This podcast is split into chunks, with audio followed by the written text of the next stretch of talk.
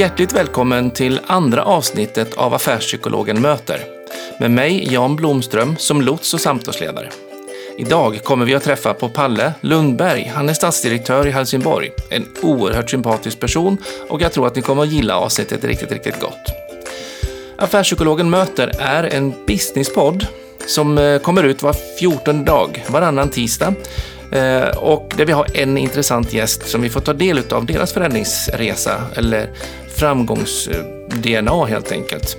Och eh, jag försöker att gå lite djupare, kanske fånga upp lite grann vad deras, eh, ja, ska vi säga, eh, beslut eller vilka val de behövt göra och vilka konsekvenser det har fått. Jag försöker att fånga upp den här grå vardagen lite bakom och eh, lyssna helt enkelt in på vad som har fungerat och inte fungerat i deras situation. Det är personer som jag är intresserad av och lite extra nyfiken av och vill inspireras av. Men det kan lika gärna vara att det är ni som har tipsat lite grann om goda exempel som ni är intresserade av.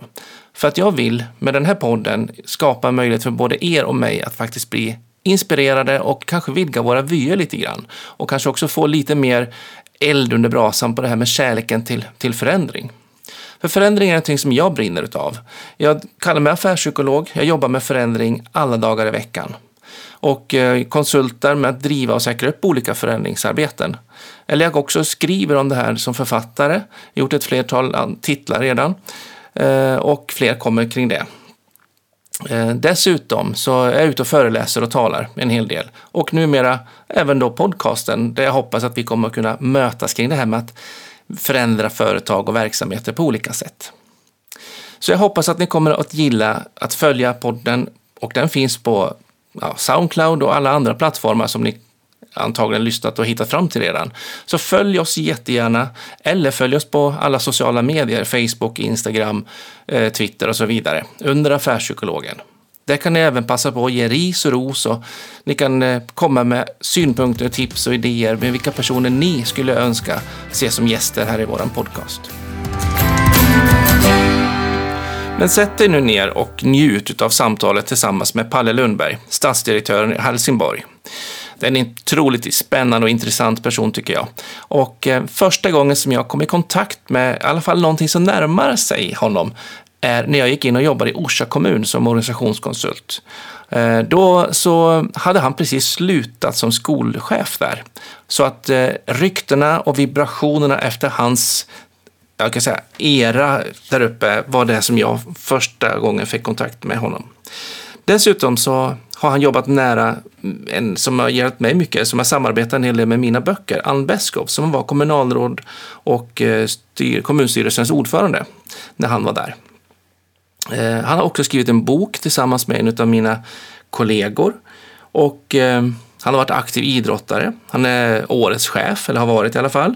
Och eh, han ser till att åka på träningsläger med alla sina chefer. Dessutom så tycker jag att det är ganska coolt för han jobbar med Instagram som kanske främsta internkommunikationsverktyget.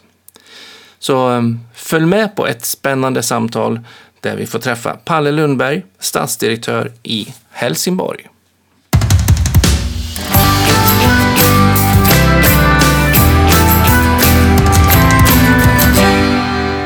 Okej, Palle Lundberg, jag önskar dig hjärtligt välkommen till eh, Affärspsykologen möter. Tack så hemskt mycket. Mycket trevligt. Alltså, vi har svansat runt varandra, eller jag har svansat runt dig genom åren i alla fall. Men vi har aldrig haft någon kontakt. Så Inte det, så här. Nej, så det känns jättetrevligt att få, få liksom en tillfälle att lära känna varandra lite så. Jag känner ju i alla fall igen dialekten för jag har ju hållit till uppe i de där trakterna eh, under ett par tre år. Ja, Eh, jag kommer ju från Dalarna, så det är där du var. Hur har dagen varit idag då? Det har varit fullt upp. Vi började med en eh, stor näringslivsfrukost där vi presenterade hur vi i Helsingborg ska jobba lite mer med offensivt med vår näringslivsutveckling och locka ännu fler företag till Helsingborg. Okej. Okay. Vad har ni som främsta vapen i den, i den strategin? Eh, det handlar om att eh, jag tror inte man som kommun kan bara sitta och vänta på att företagen ska stå och knacka på dörren utan man måste bestämma sig för vad är fördelarna som vi har här i Helsingborg att erbjuda näringslivet? Vilka företag skulle vi vilja ha? Och ha Mm. fokus på dem. Och sedan åka ut i Sverige och även i världen och helt enkelt eh, möta företagen och visa ja, hur fantastiskt Helsingborg är.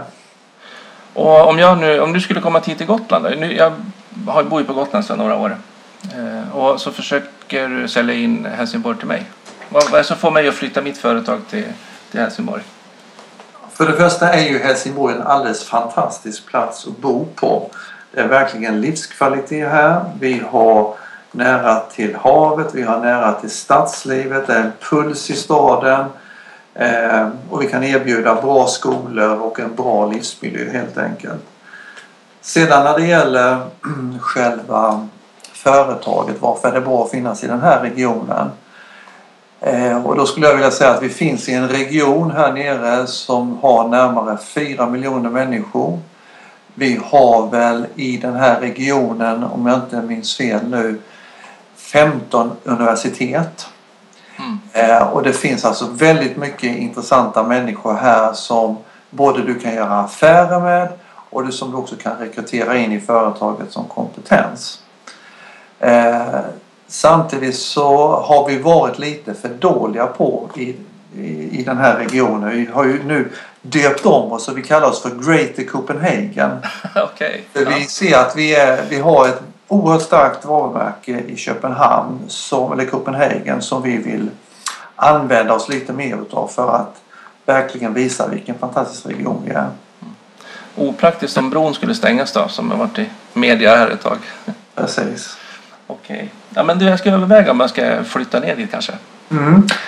Vi har en liten annan värld här på Gotland. Precis. Men eh, var sak har, har sin förkärlek någonstans.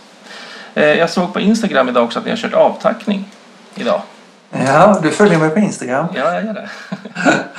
Eh, Så man verkar ja. jobba länge där om man, om man jobbar där, så man verkar trivas. Ja, det var en av våra trotjänare som gick i pension idag efter 35 år.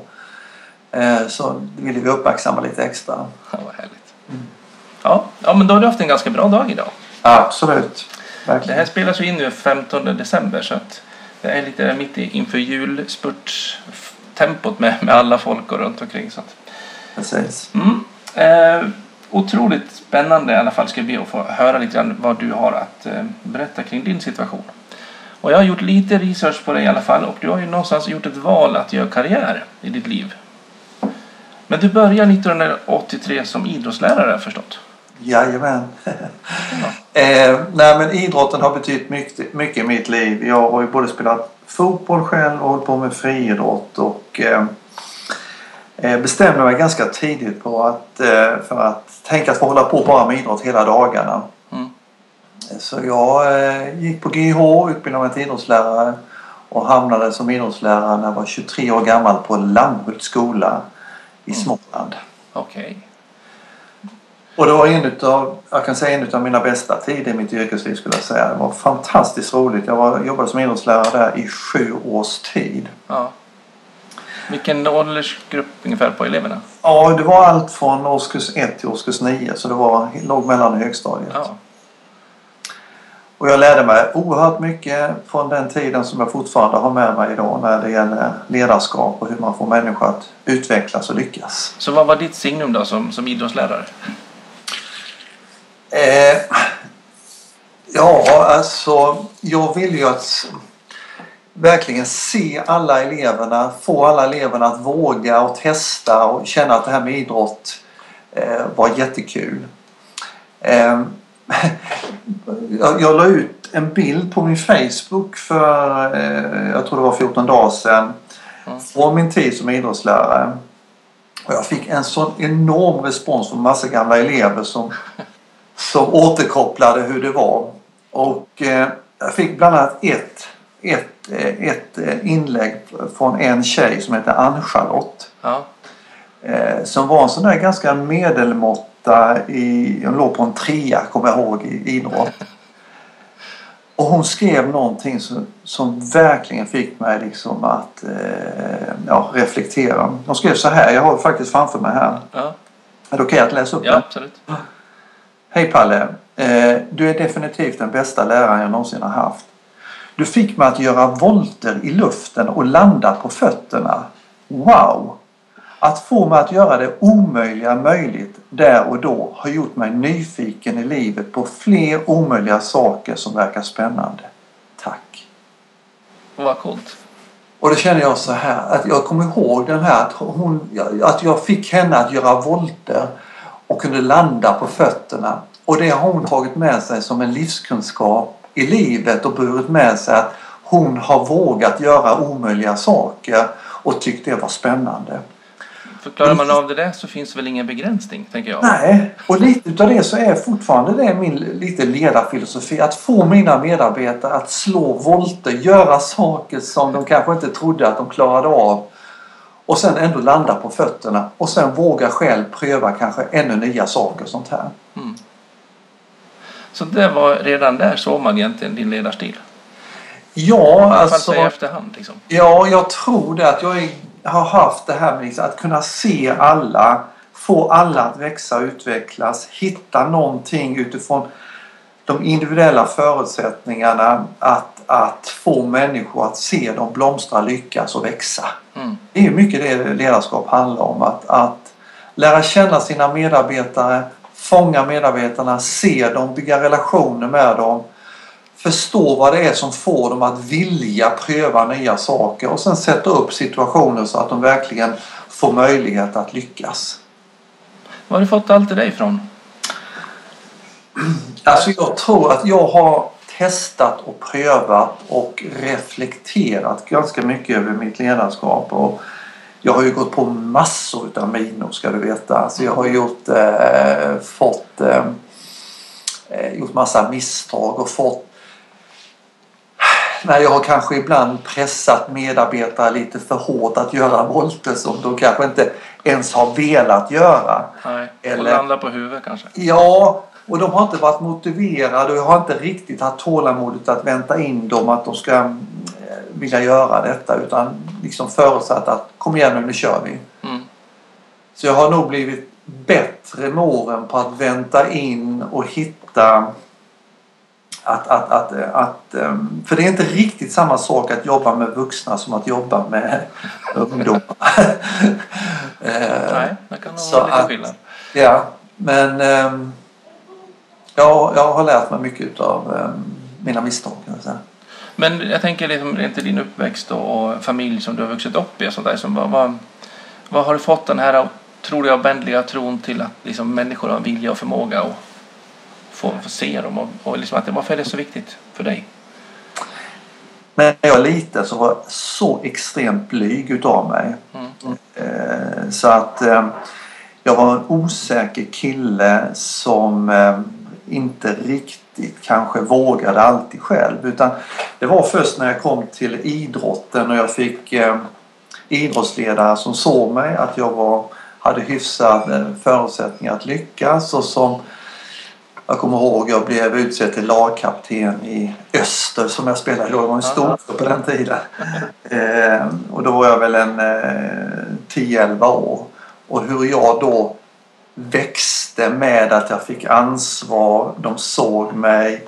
Eh, och det har jag burit med mig någonstans att, att hur viktigt det är för då, då, då, när jag jobbade som eller jobbade, när jag var lagkapten och spelade fotboll så så försökte jag också se mina kompisar eh, i laget och få dem att växa, utvecklas och peppa dem och jag såg hur de växte ja. det och då växte jag också. Så jag, så har jag känt att det här att få andra att lyckas har, har, har gjort gott i mig. Är det, hänger det också ihop med att du själv inte behöver vara den som står mitt fram då? Kan det vara, för jag, jag är jag har ju tränat på att liksom ibland måste jag också kliva fram. Men det har liksom inte varit det jag har. Jag jobbar gärna i bakgrunden och får andra att lyckas.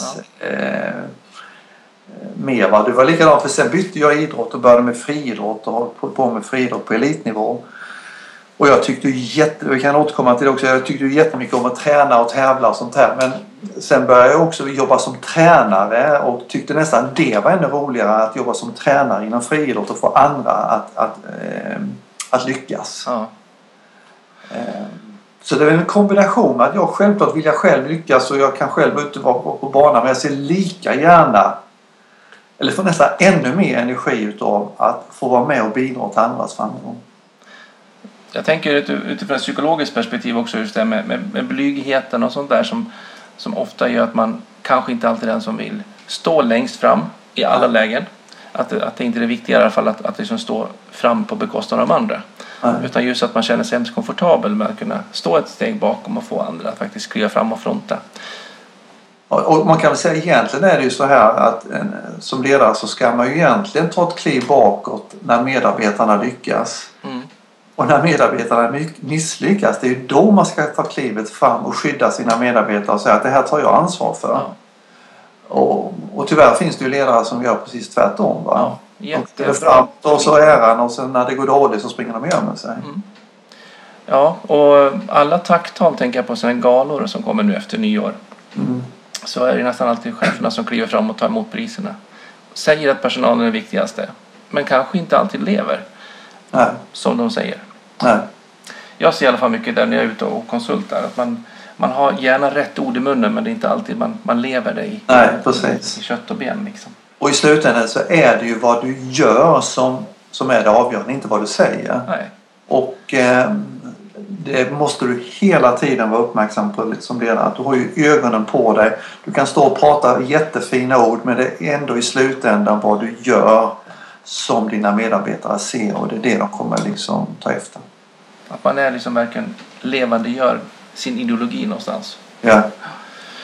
Eh, är det det som, att, att vara äkta, det är det jag hör mycket att du pratar om. Eh, är det det som tog det steget att bli biståndsarbetare i Nicaragua? Mm. Eller vad hände där? Ja, precis. Eh, då var jag väl en 27-28 år gammal och då hade jag jobbat som idrottslärare en 4-5 år. Jag har haft alltid ett brinnande engagemang för andra människor, för samhällsutveckling och göra gott och så vidare. Så att, jag kände då, eh, jag hade, inga, jag hade, väl, jag hade möjligheten, jag hade inget fast förhållande på det sättet utan kunde eh, ge mig ut i världen. Och då hoppade jag på och blev biståndsarbetare under ett år. Åkte till Nicaragua, byggde en skola ute på landsbygden. Mm. Eh, bodde i en familj, åt bönor och ris tre gånger om dagen. och upp, fick ju massa med mig i ryggsäcken hem som eh, som handlade just om detta med mänskliga relationer. Att man behöver, det är så lite man behöver egentligen för att vara lycklig och leva lycklig. Mm. För de här människorna jag levde tillsammans med under ett års tid, de var ju jättelyckliga, levde tajt tillsammans, relationer. Men var ju, hade ju så fina relationer. Mm. Ehm, och det fick mig liksom så här liksom, lite aha, vad är egentligen det viktiga i livet? Det är liksom inte alltid att att, att sträva efter att eh, skapa mer eller få mer pengar och mer prylar utan att det är mänskliga relationer i slutändan som är det, är det viktiga. Mm. Är det det du tog med dig starkast därifrån? Det tror jag definitivt det är. Att jag blev lite lugnare i, i själen också. Att jag, ja, men jag behöver liksom inte kämpa och, eh, efter liksom mer prylar utan jag kan vila i detta vara noga med att bygga relationer, se till att, att eh, det är det som är det viktiga. Mm. Så jag, jag fortsatte ju faktiskt jobba som lärare ett antal år när jag kom hem från Nicaragua. Att, eh, ja, och jag kände då redan då att det är med människor jag vill jobba. Mm. Och just att se, se människor, för utveckla människor och möta människor. Ja. Mm. Vad fick du utmana dig själv mest med i, som biståndsanläggare? Eller arbetare, förlåt. Ja, att... Ähm, jag skulle säga, vad fick jag utmana mig mest? Ähm, vad fick du ompröva när du, när du kom ner till de miljöerna? Nej men det var väl det att, att när, man jobb, när, när, man bor, när man bor i ett rikt land så tycker man ju ofta synd om andra människor och eh, de såg ju inte på sig själva som att det var synd om dem utan de eh, var ju stolta över sitt liv och utifrån dem, det jobb de gjorde. Och det är så, så lätt att stigmatisera andra och tycka synd om andra utan Och det hjälper dem inte utan det handlar om att, att, eh, att, att se människorna för vad de är, inte för vad de har. Mm. Eh, och det fick jag väl ompröva min, min syn på de här människorna, på andra människor. Att man, det är så, så lätt att döma andra människor efter allt ifrån hudfärg och vad de har för, för eh, fysiska tillgångar. Jag tänker på det nu när det kommer en massa människor till Sverige och även till Helsingborg från andra länder. Mm. Det är så lätt att, vi, att, att se på de människorna som att de, är inte, de har det inte lika bra som oss. Därför har de inte kanske de är inte lika smarta som oss och de är, de är lite ja, har, har, har sämre förutsättningar att lyckas och så här. Men det är ju människor som, vi, som du och jag som kommer hit. Mm. Och det är viktigt att möta dem på det sättet.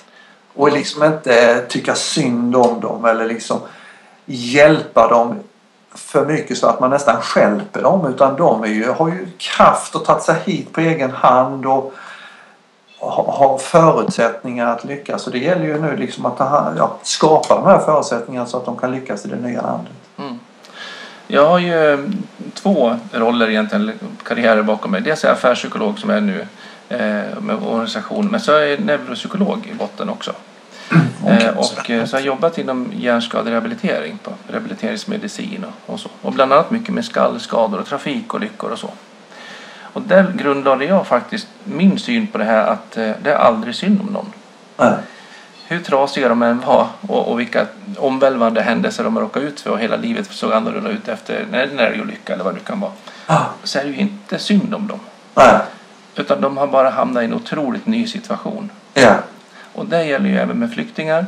absolut. Eh, Det gäller med, med, med de som bor i, i Nicaragua. Det handlar om de som får bli omplacerade på jobb. Det handlar om vem som helst. Och även dig och mig. Ja, Man är som man är. Och vi har dragit den livslott vi har dragit någonstans. ja, Och hur ska vi någonstans få den att växa och Ja. utvecklas därifrån? precis. För det är det jag, och jag har ju den bakgrunden med mig lite grann. Så när du pratar också om att det är där du ser, tog med dig från Nicaragua till en viss del. Mm. Att det inte är synd om dem.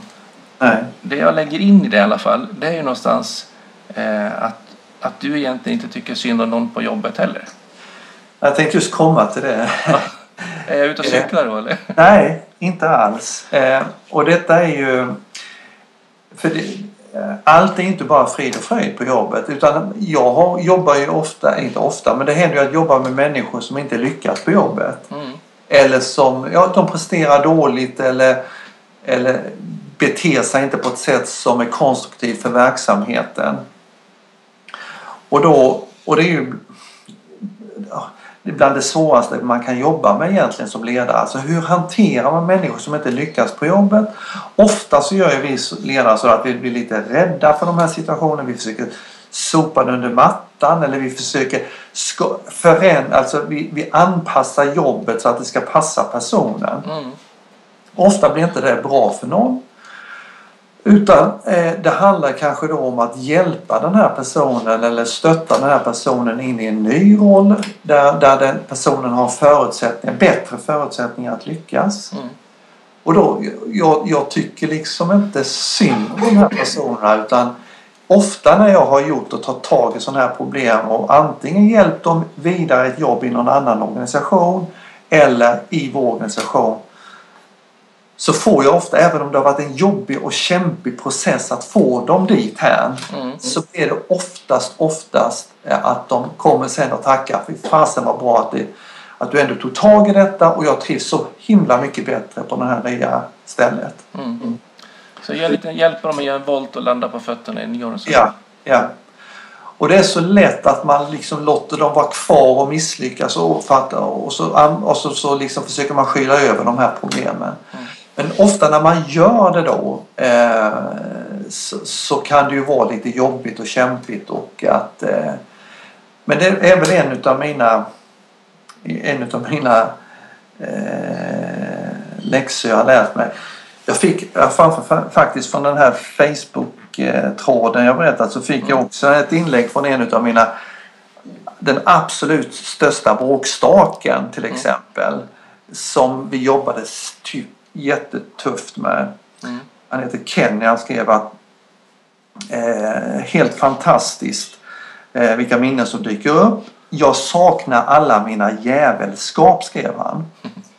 Och sen svarade jag, tror att dina jävelskap blev till livskunskap. Ja, skrev han. Som många andra här tog jag även med mig mycket från dig och några till från den tiden. Tack. Mm.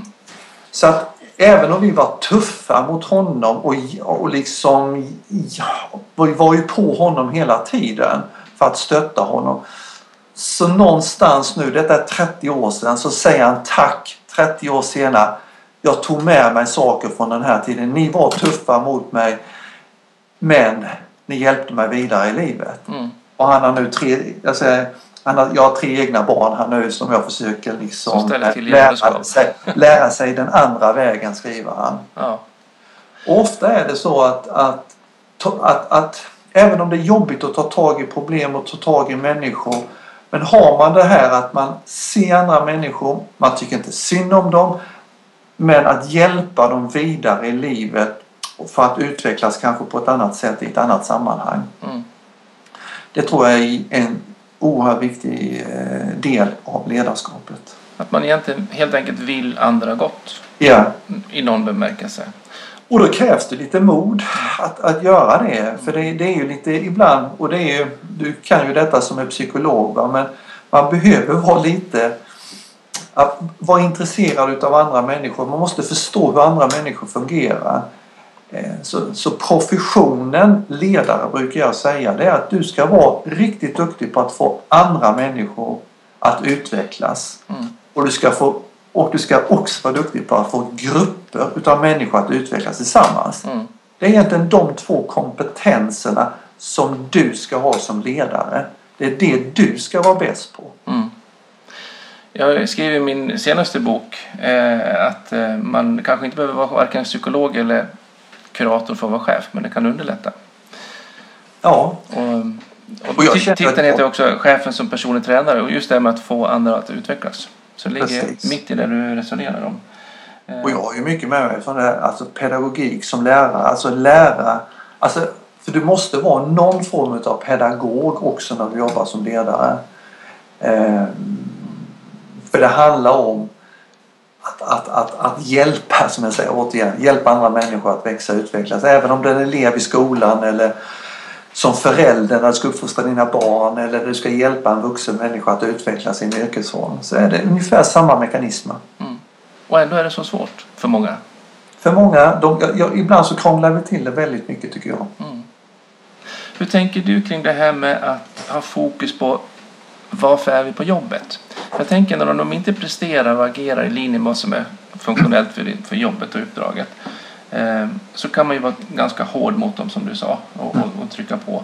Eh, och då upplever jag i alla fall att många chefer kan vara ganska hårda på dem som personer. Mm. Men jag upplever samtidigt att de som knyter prestationer hemskt tydligt till funktion, alltså mm. vad de är på jobbet för och de mm. får ta emot lön för att göra. Mm blir tröskeln så otroligt mycket lägre och den här tuffheten blir så mycket mer logisk och mycket lättare att ta till sig. Ja, du är helt rätt på det menar jag. Jag resonerar precis på samma sätt. Mm. På jobbet så har man en har man en roll, man är en funktion och det är i den rollen vi pratar, inte om dig som person. Nej. Men i den här rollen så har jag som ledare de här och de här förväntningarna på dig. Mm. Och då vill jag fråga dig, kan du detta? Vill du detta? Mm. Och så måste du fundera på, ut, vill du kliva in i den här rollen, funktionen utifrån de förväntningarna jag har? Mm. Om du då säger, nej men jag kan inte detta eller jag vill inte detta. Okej, okay, då ska jag försöka stötta och hjälpa dig in i någon annan funktion, i någon annan roll. Mm. Eh, men jag kan inte gå till dig och säga, nu måste du göra detta, nu kräver jag detta. Du är för dålig som inte gör detta och så vidare. För jag väljer hur jag beter mig. Men då får jag också problemet som ledare i mitt knä. Utan egentligen är det så att det, det är egentligen du som måste ta ställning till om du kan och vill in i den här funktionen och den här rollen. Mm. Och vill du inte det eller kan det så okay, okay, jag kan hjälpa dig och stötta dig med kompetensutveckling och så vidare och sådana här saker men går det ändå inte så är det faktiskt du som har ett problem mm. som jag kan hjälpa dig med. Så alternativet är alltså inte att jag kan vara kvar på min funktion men inte utveckla det jag behöver. Precis. Så jag ska bete mig som det där du betalar lön för att jag ska göra. Ja, ja, Vill jag vara på ett annat sätt kan jag vara det på fritiden. ja. Helt rätt. Skitlätt. Ja. Ibland så gör vi det för svårt då som chef och då får vi hela...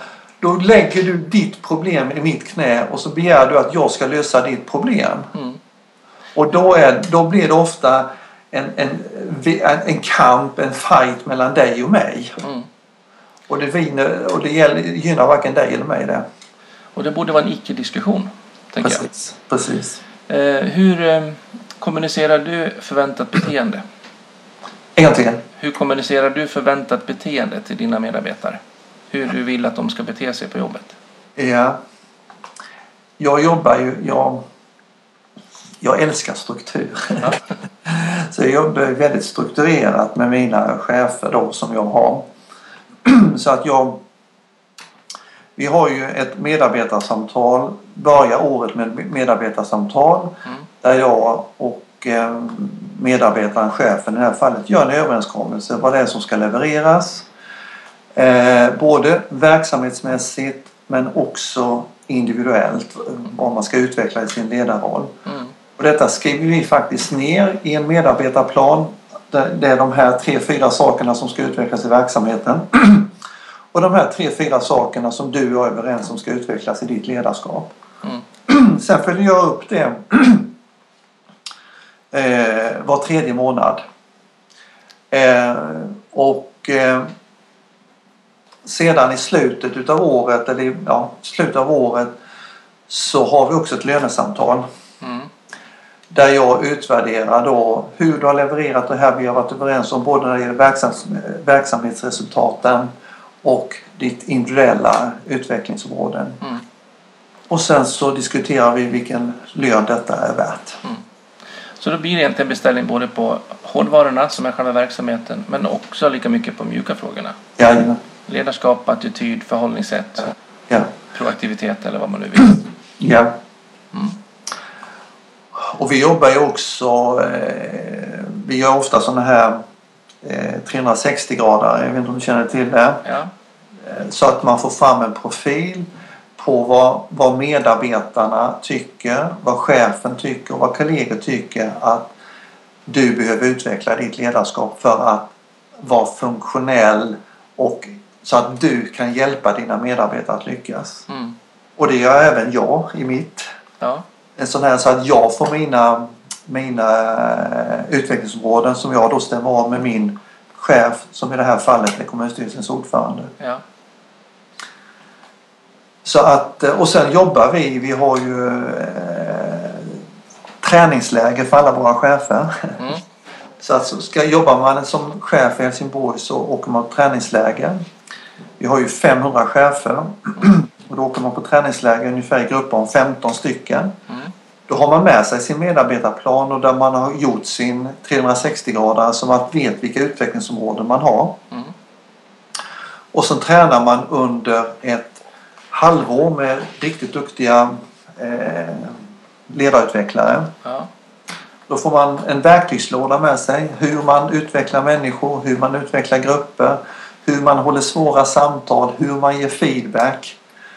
Så får man träna på det i skarpt läge. Mm. Sen efter ett halvår så har man en uppföljande samtal med sin chef om hur man ligger till med sin medarbetarplan. Så att det jobbar vi alla med i hela organisationen. Mm. Så det är ingenting man kan välja bort utan det Nej. ingår. Nej, ingår. Och då blir det ju hemstyret också vad du vill ha för beteenden och du får just den här gnöta in effekten. Ja, både att man, vi, vi är tydliga med vad man vill ha för beteende men också att vi hjälper eh, cheferna att träna på detta. Att de får träna och öva. För man föds ju inte till chef som tur är. Nej. Utan det är ju liksom någonting eh, som man kan träna sig på att utveckla de här förmågorna. Mm. Att lika väl som du kan bli en duktig psykolog så kan man bli en duktig ledare. Men då behöver man träna och reflektera och få feedback från, från människorna som finns omkring en. Mm. Och det har jag med mig sen idrotten också. Vet du. Det, det handlar ju om det här när ska man lyckas i längdhopp eller tresteg som jag höll på med så, så handlar det ju om att träna hårt, sätta mål, eh, få feedback från en, från en tränare och sen ut i matchen och se hur, hur man presterar. Och gör både grundträning och hela paketet. Precis. Ja, det finns hemskt mycket vi kan hämta från, från eh, idrottsvärlden tror jag, i vårt ledarskap. Eh, det som jag tänker lite grann, nu har du 500 chef, medarbetare, chefer. Ja, chefer, ja. Förlåt. Eh, och åker alla 500 på träningsläger. Japp. Och hur ser du till att eh, alla 500 jobbar med att följa upp dokumentationen och vad ni kommer överens om och gör tydliga beställningar? Och hur funkar det? Funkar det bra liksom? Eller är det Ja. problem och svårt att få, få mellanchefer och, och första linjechefer att, att ta de här frågorna? Nej, egentligen inte. Och det, det utgår ju från att jag måste ju föregå med gott exempel. Jag måste själv visa att jag tränar, att jag har träningsprogram, att jag har återkoppling till min chef. Eh, och att jag i min tur gör detta med förvaltningscheferna då som är mina närmsta chefer. Att jag följer upp dem systematiskt, jag gör de här medarbetarplanerna. Och sen tar de det vidare hela vägen ner. Mm. Så att i allt ledarskap handlar om att du måste föregå med gott exempel och göra så som du vill att dina medarbetare ska göra. Mm. Du kan inte säga detta och göra någonting annat. Nej. Så hem och gör läxan själv först, då följer andra med. Ja. Mm. Intressant. Eh, hörru du, om vi backar Och sen kan vi säga så här. Ja. Sen, du sa, innan jag glömmer bort det. Du, du, för jag är ju inne nu och håller på att testa nya grepp. Och just nu är är jag helt såld på Instagram. Ja, det har jag nästan förstått. Ja, för att eh, jag måste ju, jag har ju 10 000 medarbetare. Och då är ju frågan hur ska 10 000 medarbetare se att jag föregår med gott exempel? Mm. Och Instagram är på ett sätt väldigt, väldigt starkt på det sättet. För då kan jag spegla till exempel Förra veckan så hade jag ett sånt här litet miniträningsläger med min ledningsgrupp där vi tränade tillsammans. Och då självklart tar jag en bild på det när vi håller på att träna, Ja. skriver några rader om detta och lägger ut. Mm. Och det sprider sig som en löpeld. På bara på en timme så vet ju nästan hela organisationen att vi har varit på träningsläger och tränat på att bli lite bättre. Ja. Så mycket av ledarskap handlar om kommunikation. För jag förstod ju det att medarbetarna hänger inte på intranätet. Mm. Det är inte där de finns. Utan jag måste ju finnas där medarbetarna är. Ja. Och, och ofta jobbar det här med bilder. Bilden är ju så himla stark. Att visa vad vi gör. Vad, säger, vad har du att säga då till alla dina stadsdirektörskollegor som är livrädda för Instagram? Jag skulle säga så här. Pröva, testa, var modig. Sök feedback på vad du... eh, Alltså jag, får, jag söker ju jättemycket feedback. Jag får ju feedback från mina barn till exempel. Ja. Eh, och jag söker upp ofta unga medarbetare. Hur fasen ska man göra detta med Instagram? Vad ska jag lägga ut? När går gränsen mellan personligt och privat? Ja. Hur, hur personlig kan jag vara utan att det blir privat? Och just nu är mitt rättesnöre att så länge medarbetarna upplever någon form av nytta eller, eller eh, glä, inte glädje men att de känner att det, att det jag skriver har någon betydelse för dem. Då är jag på rätt sida. Men skulle jag börja skriva saker eller bilder, saker som de känner det här är helt oväsentligt. Mm. Eller nu fattar jag inte vad han håller på med.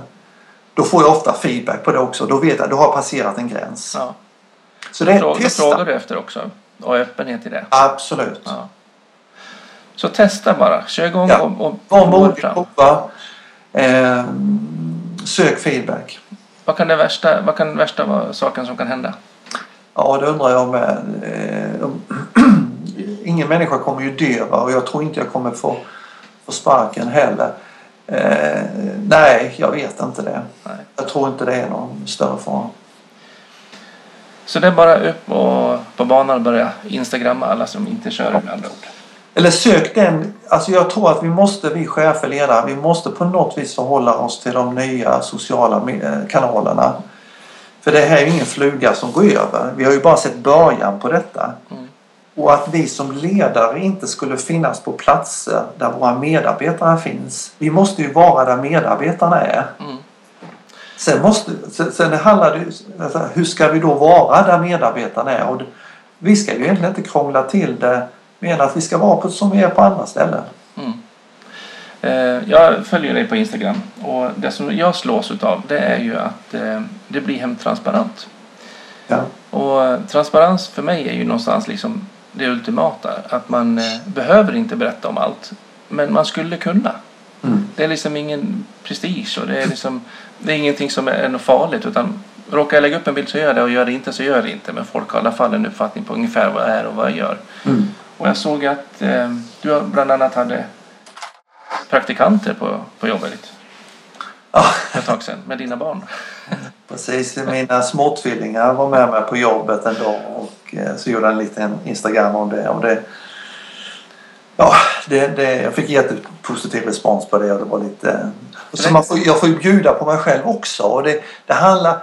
Ibland så när man jobbar som hög chef som jag gör så, så tror... Ibland så vill ju människor sätta upp mig på en pedestal och liksom tro att jag är någon speciell människa och eh, så här. Och jag tror att då tappar man också kontakten med verkligheten och man tror att man är mer värd än någon annan. Mm. Så för mig är det både för min egen skull att vis, hålla fötterna på jorden Ja. och också att mina medarbetare ska förstå att jag är en vanlig människa som, eh, Som har ett jobb. som har ett jobb. Mm.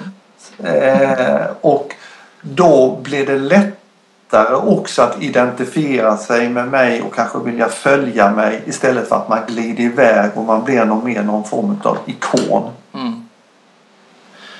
Speciell är du ju i form av att du är du på samma Ja. sätt som alla individer är. Men- eh, det är ett jobb som jag brukar tänka sig att vi ska ha uppsägningstid allihopa.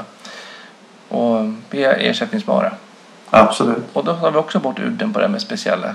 Mm. Utan vi det är ett jobb vi gör. Vi tar emot lön för att göra det vi ska. Helt rätt. Ehm, Men jag kan tänka mig just när du hade praktikanterna där att det blir också en här situation som är med privat och personlig. Mm. Där man kan vara otroligt personlig men det är ändå relevant för att du är på jobbet och det var en praktikplats och hur praktiserar man som en, som en stadsdirektör? Precis. Det är inte så lätt att beskriva vad man gör misstänker jag Nej. för barnen. Och de var ju två stycken vet du, så det var ju två stadsdirektörer. Ja, precis. Och dubbelt ledarskap kan ju ha sina baksidor. ja, vad spännande. Men är det du, ehm, jag vill eh, backa lite grann tillbaka till, till din lilla turné där på Karriärstegen. Mm. Du var inom Sverige, Håll Sverige Rent också. Mm. Vad, fick, vad hann du med att göra där?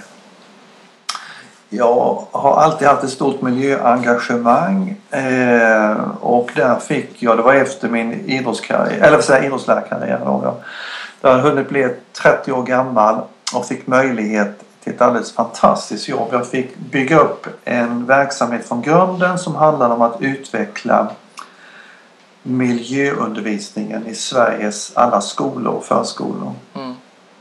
Och, eh, och det var just utifrån den här pedagogiken. Eh, att tro på eleverna, undersökande arbetssätt, vara ute mycket i naturen, få uppleva problembaserad lä- inlärning, inte stå fram i katedern och mässa utan få eleverna. Ja, och få eleverna själva att undersöka, utforska. Det var ganska nytt på den tiden. Nu är ju det liksom den förhärskande metodiken i, idag, eller pedagogiken i dagens skolor. Men då var det ganska eh, ja, nydanande på ett sätt. Ja. Så där var jag i fyra, fem år och eh, det gick eh, riktigt bra tyckte jag. Och eh, det passar mig för jag har ett sånt extremt driv och ett så det här med att jobba mot mål och åter tillbaka till idrotten. Alltså när, man, när jag sätter mål så vet jag att det krävs mycket jobb för att nå dit och då kunde jag göra det som projektledare. Jag hade inte några direkta anställda utan kunde verkligen driva fram mot det här målet och kunna leverera och få resultat. Mm. Men någonstans där så började jag liksom sakna det här att jag vill ju jobba som ledare för leda och utveckla andra människor. Så det var det som gav hungern till att flytta sen då till, vad kom du sen då? Ja, och- var det direkt efter det? Ja, för då, då började jag tänka, hur fasen, eh, jag vill tillbaka och jobba som ledare och eh, då sökte jag en massa eh, chefsjobb då. Ja. Och jag ville jobba som kommun och jag tänkte där jag kan ju detta med skola. Jag tänkte jag hoppar över det här med rektor utan jag går direkt på förvaltningschef. Ja. Var på en massa anställningsintervjuer. Eh, Men då var jag ung och grön. Jag var 34 år. Men det var liksom ingen som vågade riktigt satsa och tro på mig.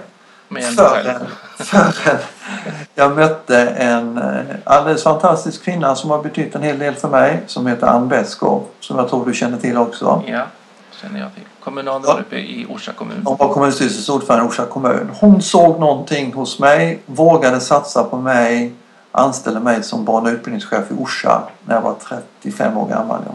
Mm. Hade inte någon speciellt lång ledarerfarenhet då I chefstjänster. i Liksom. chefstjänsten. Nej. Utan eh, eh, det var... Och jag gjorde ju då som jag brukar göra. Satte upp tydliga mål. Drog igång ett jäkla eh, utvecklingsarbete i Orsa.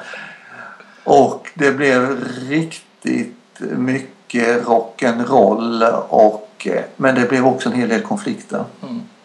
Liten kommun. Liten kommun. Får Ganska, snabbt genomslagskraft tänker jag. ja, Och det märks i en kommun när man börjar ändra i en förvaltning. Ja.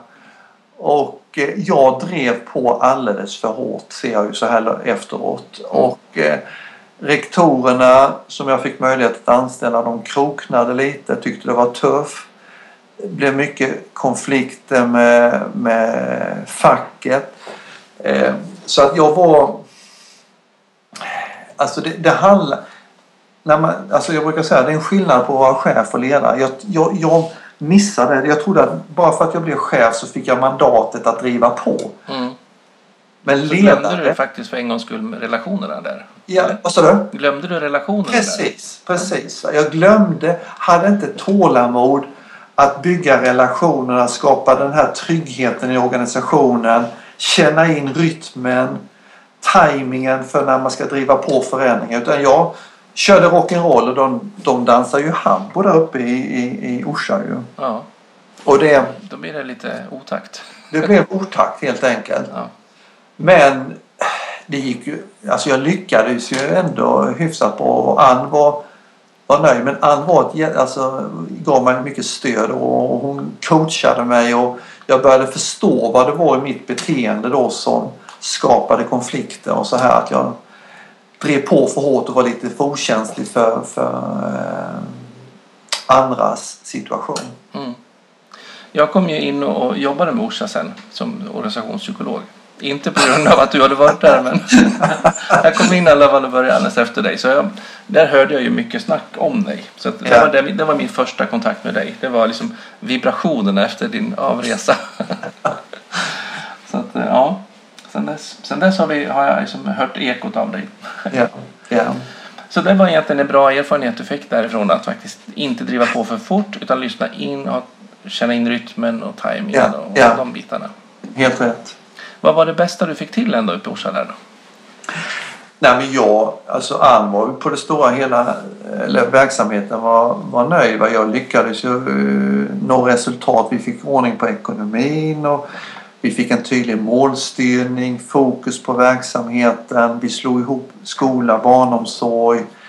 Så vi levererade en hel del resultat som jag var nöjd med. Mm. Men jag kände, alltså så här var oss emellan, om ingen annan lyssnar nu. Mm. Eh, Jag så- lovar, sekretess och psykologen. Så jag tyckte inte det var speciellt kul. Alltså det var för mycket. Jag saknade alla de här glada pigga eleverna som liksom sa wow vad kul att vi har det och så vidare. Utan det var mycket, jag de, lärarna ville inte facket ville inte. Det var motstånd, det var trögt. Och jag förstod inte vad var det som gjorde att, att de inte riktigt ville. Och, så det fick jag ju... Så den erfarenheten tog jag med mig. Och, eh... Vad landar du i för insikt med att du bidrog till den oviljan? Alltså jag...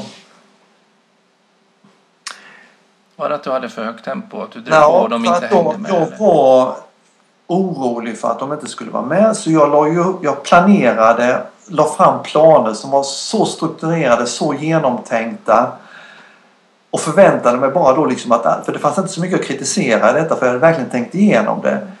Men, och, och, men bara det triggar ju motstånd. När man inte får vara med i processen. Precis. Ja, precis. Och det fattade jag inte då utan jag trodde liksom att ja, nu lägger jag fram det och kommer de tycka åh vad bra den här planen är och nu kör vi efter det va. Och jag misstänker att ju mer du har tänkt till i den desto mindre angelägen var du att ändra när det kom synpunkter. Precis, Mm. precis. För då har du tänkt till säkert bra. Ja. Så det tog ett ett antal år som chef och ledare innan jag liksom vågade slappna av och släppa efter och inte presentera de färdiga lösningar utan kanske mer en målbild. Så här, det här skulle jag vilja utveckla. Men sen vill jag gärna höra hur ni ser, hur ska vi ta oss dit? Mm. Så Orsa var egentligen din grundskola gäller chef? Det kan man säga. För sen tog du steget till Botkyrka va? Nej, jag tog först ett mellansteg till Västerås där jag jobbade som konsult och servicechef. Ja, just det. Mm. under fyra, fem år. Ehm, och där, där började jag ungefär i samma, samma hårda tempo och kände återigen det här motståndet. Till det var faktiskt en medarbetare som jag hade som en dag sa till mig det här att Palle, du kan inte bara driva på. Du måste förklara visionen, målbilden och Mm. sedan involvera medarbetarna. Mm. Och då gjorde jag en grej. Gjorde du det? Ja, jag gjorde, jag gjorde, jag gjorde, då bestämde jag mig och min nya lilla ledningsgrupp att vi skulle göra en eh, föreställning för eh, medarbetarna. Det var 200 medarbetare jag hade. Mm. Så att eh, vi sa att vi ska vi satte ihop ett riktigt häftigt bildspel tillsammans med musik. Vi skulle ge oss ut på en rymdresa. Jag klädde ut mig till rymdkapten, gick fram och ställde mig framför. Att nu behöver jag en riktigt bra eh, besättning här. Hoppas ni vill vara med på den här raketresan. Ja. Visade vad målbilden, vilken stjärna vi skulle till. Och frågade då, ja, om jag tar den snabba versionen. Vill ni vara med mig på den här resan? Jag behöver er. Ni får vara med och, liksom lägga ut kursen och så vidare. Och egentligen handlar det då, kan ni? Vill ni? Ja, precis. Och, och jag var ju skitnervös när jag skulle göra detta. Vet du. Men vilket lyft det blev på den här raketen. Va? Och jag kan ha lite medarbetare, detta är nog 20 år sedan, eller 15 år sedan är det. Mm. Som fortfarande kan liksom när jag träffar dem säga Kom du ihåg Palle? När, vi hade, när ni gjorde den här kickoffen och vi liksom Alltså de har fortfarande den här metaforen, den här bilden. Ja. Och göra med rituella grejerna. Visuellt, rituellt, formaliserat. Är ju otroligt tung, tunga alltså avstamp. Som, Det är Ja. min erfarenhet i alla fall. Så att, eh, mm, jag ser det framför mig riktigt. Och också det på temat att bjuda på sig själv. Precis. Inte, inte vara rädd för det. Nej. Vi är som vi är. Vi är bara människor. Det blev lite faktiskt en vändpunkt i mitt ledarskap. Att, att då, då kände jag att det var mycket enklare, det blev mycket roligare, lättare att få med mig medarbetarna. Men det tog ju faktiskt en fem sex år för mig att komma på det. Men det var en bra skola. Jag, fick, och jag tänker ofta tillbaka till det. Och, eh, ibland så behöver man själv få göra de där misstagen ibland som ledare. För att, eh, och jag brukar när jag idag coachar unga nya ledare så, så eh, självklart så ska man undvika att göra de allra största tabbarna men alltså inte styra dem för, för hårt heller utan de måste få pröva sina vingar och se vad som bär och inte bär själva. Och göra sina misslyckanden. Absolut. Vilken resa. Eller jag menar vilket träningsläger.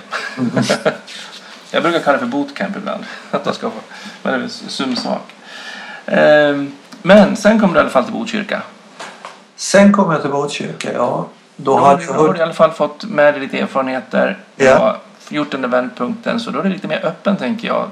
Med att skapa delaktighet och jobba med målbilderna och visionerna och få med folken. Ja, det? det stämmer. Då hade jag hunnit bli 43 år gammal tror jag. Och, eh, fast jag hade ju ganska dålig hum på att jobba som kommundirektör, vad det egentligen var. Och, eh, men jag gillar det här, kasta mig in i nya sammanhang och utmana mig själv. Älskar det. Mm. Eh, känner att jag inte behöver ha den här tryggheten, jag måste kunna jobbet utan gärna utvecklas tillsammans med mina medarbetare. Och det var då kan man säga i Botkyrkatiden, vad som präglade den. Det var, jag var ju kvar där nästan åtta, nio år var det väl. Mm. Eh, och då, då, då, jobbade vi med det här med tränings... Jag började med att träna cheferna. Eh, sätta upp de här förväntningarna, åka på träningsläger. Eh, både utmana mig själv och eh, mina chefer.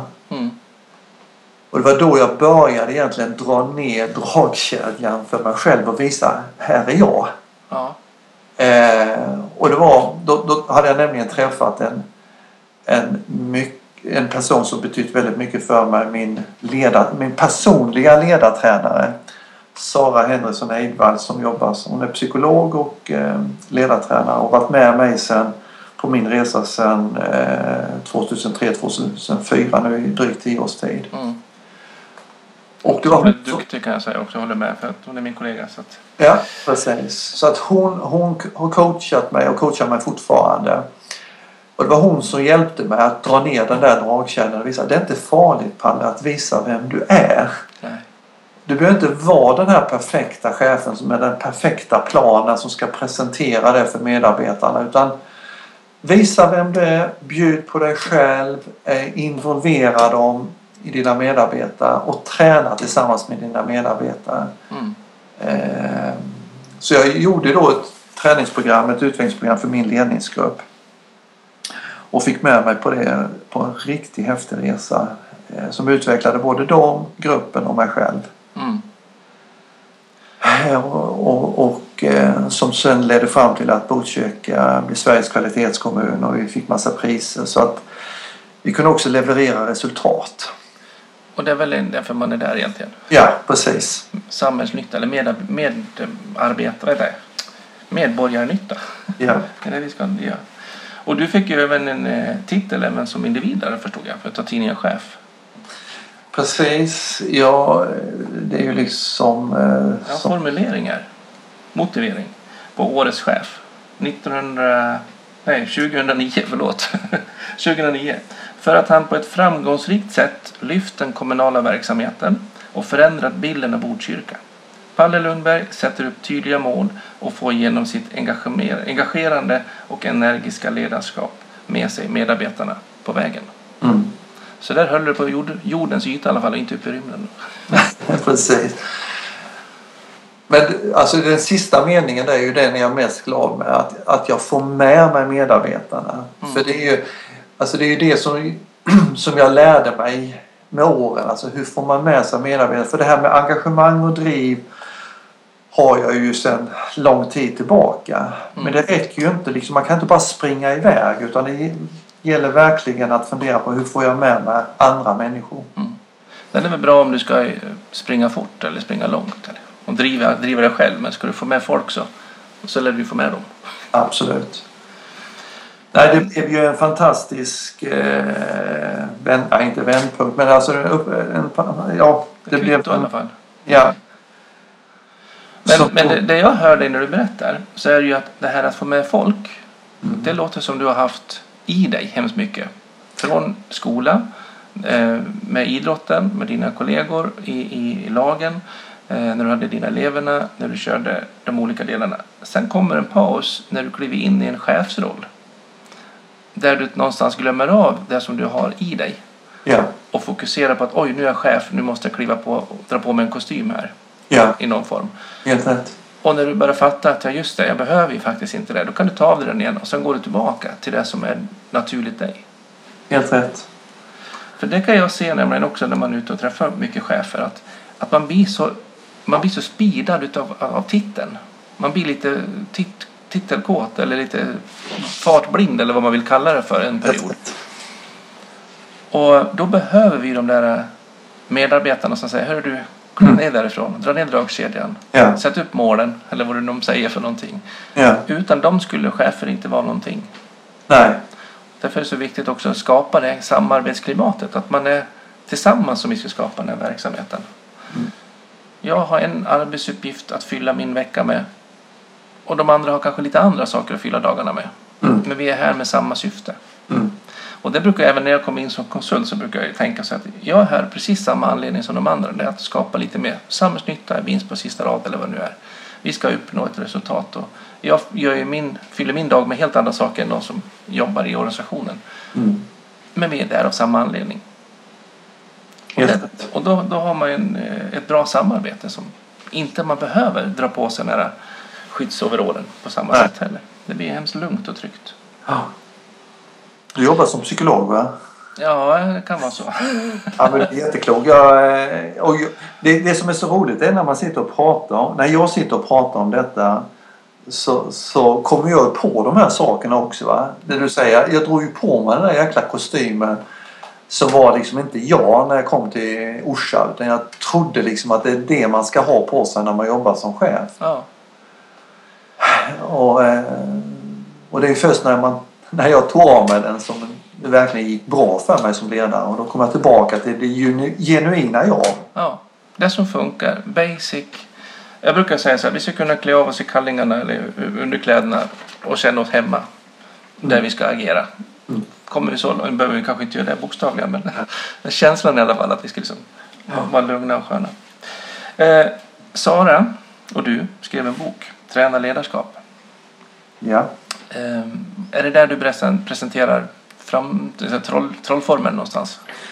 Ja, framförallt berättar jag mycket om mina misstag i boken. Där, eh, alla de här sakerna som jag berättat lite nu. När, jag- vad jag har gjort för eh, eh, fel eller hur jag liksom känner att när det gick, både när det har gått dåligt eller när jag verkligen har inte känt att det har burit. Mm. Och också självklart när det har burit. Och sen har då Sara lagt sitt perspektiv på det utifrån eh, en psykolog och ledartränare som hon är. Alltså hur kan man då träna detta för att, att eh, bli en bra ledare? Vad är det för verktyg egentligen man behöver? Mm. Så det blev ju också en, en, en möjlighet för mig att också för, som du och jag gör, gör just nu, reflektera över mitt eget ledarskap. Eh, och det tror jag är, himla viktigt att man, gör som ledare. Att, man har någon person man kan spegla sig och reflektera över vad man gör och vad man inte gör. Och jag försöker ju vara det bollplanket till viss del till mina chefer idag. Att, att de ska kunna få reflektera runt omkring sitt eget ledarskap. Stanna upp och bara, jag brukar säga tomglo. Det är mitt bästa ledarverktyg. Ja. Bara sitta inne i väggen eller ute i skogen eller vad du vill. Ja, Och, och bara faktiskt reflektera, låta tankarna vandra. ja. Det är, ja, det är en, viktig, viktig egenskap och det är inte alltid man tar sig tid att göra det. Nej. Och um, då går det nästan heller aldrig riktigt bra. Nej. Då blir det medelmåttigt. Ja. Och då kan man ibland vara nöjd med det. Men, men vill man ha lite mer, när det inte lagom duger längre, så då behöver man jobba lite mer medvetet med det. Precis. Men det blir lite grann en, en samling av tankar, reflektionstillfälle. Ja. Sen tar du med dig till jobbet som du har idag då. Helsingborg, stadsdirektör. Ja. Då hade du lite mer koll på vad en stadsdirektör ska göra. ja, det hade jag. Eh, det hade jag. Eh, fast jag kan säga att de här jobben är, det är som ett helt nytt jobb. Alltså jämföra Botkyrka kommun och Helsingborgs stad. Det är, och det kan jag säga nästan, för det handlar väldigt, väldigt mycket om vad är det för kultur man hamnar, hamnar i och vad är det för chef man får. Mm. Eh, Brukar du tänka vilken chef man skapar? också för det handlar väldigt mycket om eh, eh, också hur jag, hur jag förhåller mig till min chef och ledare. Ja. Och jag kan ju göra min chef som heter Peter Danielsson som jag har haft nu i fem års tid. Jag kan ju få honom att lyckas och utveckla honom och han kan utveckla mig. Vårt samspel är ju det helt avgörande. Mm. Och eh, jag har ju jag har en fantastisk eh, chef och ledare idag, Peter Danielsson, som också är, har tagit modet till sig att ha gjort en sån här 360 grader själv Mm. Och också fått alla kommunalråden Ja, och majoriteten att göra detta. Så han är nu mitt uppe i ett träningsläger med sina närmsta 15 ordföringar. Åh, vad kul. Och nu i början av februari så ska hans ledningsgrupp och min ledningsgrupp, då ska vi träna tillsammans. Mm. För att träna vårt samspel, hur vi ska fungera de här två olika systemen ihop. Oerhört viktigt. Ja. Och det, det, så, så det handlar oerhört mycket om, i de här jobben och egentligen alla jobb man har. Alltså, hur, vilket sammanhang, vilken kultur kommer jag in i? Vad har jag för styrelse eller, eller chef i min, för att kunna lyckas i min roll? Mm. Och det är som du säger, jag kan ju självklart göra min chef riktigt bra också. Jag brukar säga att man behöver beställa sitt ledarskap. Jag Ja. behöver mer av det, jag behöver mindre av det, jag behöver ditten och datten. För att jag har Ja. åtagit mig att göra ett jäkligt bra jobb här. Ja, Och då presterar jag inte optimalt under de här förutsättningarna. Jag behöver så här och så här istället. mm, mm. Och då har man ju plötsligt också någon relevant eh, fråga och fokus att diskutera utifrån ja, i sin funktion. ja, Eh, Så får man lägga upp träningen sen bäst man vill. precis. Spännande. Eh, vad ser du din största utmaning nu framöver för Helsingborg och i din roll på Helsingborg? I Helsingborg? Ja, Helsingborg växer så himla snabbt just nu. Vi har aldrig vuxit så här snabbt som vi gör nu. Det är oerhört många som vill flytta till Helsingborg. Mm. Både från övriga Sverige och övriga världen. Eh, Så att det handlar väldigt mycket om att kunna växa snabbt, ta emot alla människor från, från andra länder och även från Sverige och göra det bra. Hinna med att bygga ut skolor, förskolor, äldreomsorg, konstgräsplaner och allt vad det nu är. Mm. Hålla koll på ekonomin. Eh, se till att näringslivet fortsätter att utvecklas. Så att, eh, just nu handlar det om att eh, växa på ett klokt sätt och bibehålla kvaliteterna. Och detta ställer ju oerhört stora krav på ledarskapet. Att mina chefer eh, som har det ganska tufft just nu. Det var därför vi tog en paus förra veckan. Ja. Åkte på ett litet sånt där miniträningsläger tillsammans med våra, våra konsulter som vi jobbar med. Mm. Där vi fick reflektera lite över hur har vi det tillsammans? Hur har vi det i staden? Hur har jag det med mitt ledarskap? Mm. Att när det går så snabbt att man inte blir fartblind utan att man får de där sitta som du säger stirra in i väggen och fundera på hur har vi det och Mm. Vad är egentligen fokus och mål och hur ska vi liksom jobba bra tillsammans. Vi gör en prioritering där ja. Ja.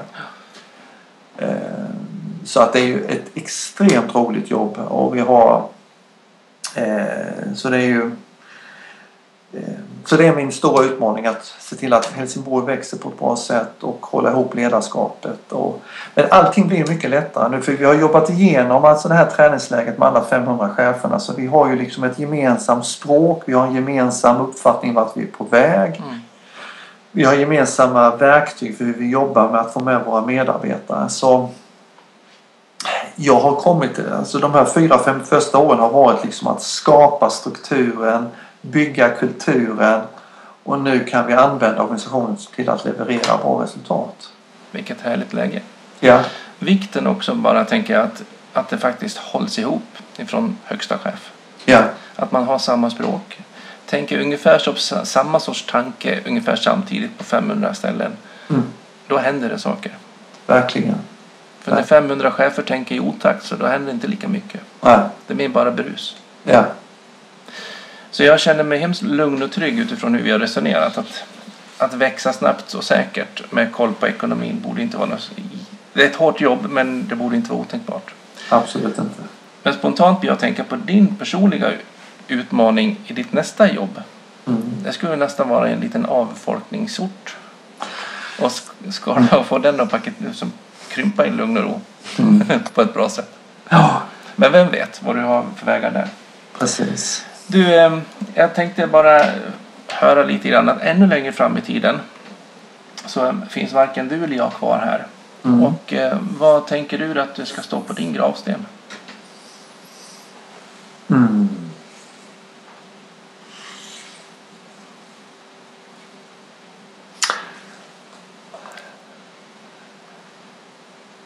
Han var en jäkel på att organisera för andras framgång.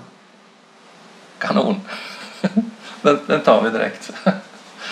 Och då har vi lite tre standardfrågor, eller på så, tre avslutande frågor Det är på slutet.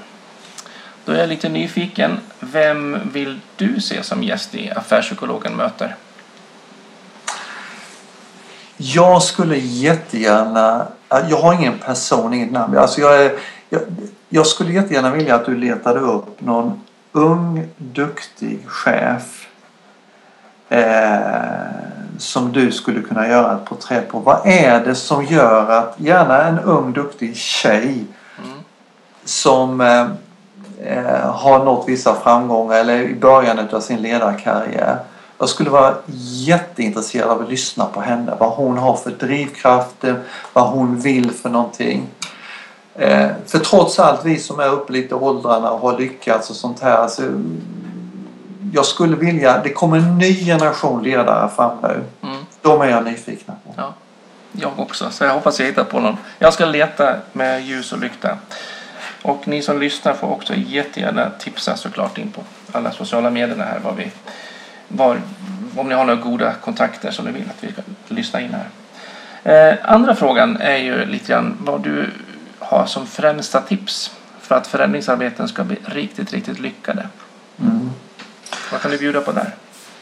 Jag skulle säga, det har jag lärt mig i åren, att förändring tar tid. Mm. Och eh, viktigt att vara realistisk och inte optimistplanera. Mm. Och sedan så håll blicken på målet och tappa det inte ut sikte utan verkligen ha fokus på målet. Ja. Så mål, målfokus, målfokus, målfokus på ett realistiskt sätt. Yep. Och tredje och sista kring den. Eh, vilket kan ditt främsta råd vara till de som faktiskt tycker att det med förändring är både jobbigt och, och kanske till och med riktigt skrämmande? Mm. Har du några bra tips till dem? Jag tror att alla tycker vid någon tidpunkt att förändring är skrämmande och jobbigt. Och eh, du vet ju det som psykolog att våra hjärnor de är ju byggda för att vi ska reagera när något blir annorlunda eller avviker från normen. Mm. Så budskapet är väl att det är okej okay att tycka så inledningsvis. Mm. Men sen gäller det att våga vara nyfiken. Att man också har ett ansvar för att intressera sig för förändringen att på något vis väcka hjärnans planeringsförmåga och inte låta ryggmärgens nej styra. Nej, just det. Så tvingas jag vara lite öppen i sinnet? Ja. Men att det är okej okay att vara lite rädd ändå? Ja. Mm. För det, så funkar våra hjärnor. Och ehm, som jag brukar säga att förändring är vårt nya svarta. Precis. Så vi kan inte riktigt välja bort det. Nej. Så det gäller att hitta de där sätten. Och jag lider ju också lite när man ser de som tycker att det här är urjobbigt. Mm. Och, men då, då är det okej okay att tycka så, men vi ska ändå väcka hjärnan och få lite struktur kring det där. Inledningsvis är det okej okay att tycka så, men inte hela tiden. Utan sen, sen gäller det Ta sig ur därifrån fort ja. bara ja. ja, det låter jättebra. Du, eh, det har varit otroligt spännande att få höra ditt resonemang och jag tycker att eh, du visar på en otrolig röd tråd i verkligen kärleken för, för andra eller tilltron till andras kompetens eller förmåga att, att överträffa sig själva. Att eh, utmana dem till att hjälpa till och stötta dem till att göra med kullerbyttorna och sen så kommer de antagligen landa på fötterna många gånger. Bara de får en chans att kliva på och säga att jag kan eller jag behöver lite hjälp och framförallt jag vill. Precis. Och ehm, då har vi ganska kul tillsammans. Verkligen. Och ibland så misslyckas man där man är och då ska man vara någon annanstans. Om man inte vill göra ett förbättringsarbete och rusta sig. Mm. Jättespännande. Det har varit otroligt spännande för att äntligen få höra dig berätta lite grann och inte bara svansa runt och höra vibrationerna efter dig i Orsa och lite andra ställen. Um, att få höra dig berätta med egna ord. Ja, det har varit jättekul för mig också. Det har varit, eh, jag har också fått lite insikter när jag har hört mig själv prata. Ja, det kan... Så att det känns jättekul. Så jag tackar så mycket för det och eh, på återhörande. Tack själv. Tack. Hej,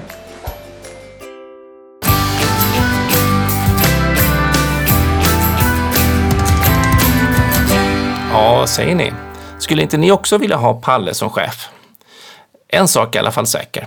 Med honom som chef så skulle jag kunna göra både en och två och tre saltomortaler och landa på fötterna. Mycket spännande och inspirerande person, tycker jag i alla fall. Och hoppas också att ni har kunnat tagit del av både hans inspirerande resonemang och erfarenheter och kanske några av mina kommentarer också.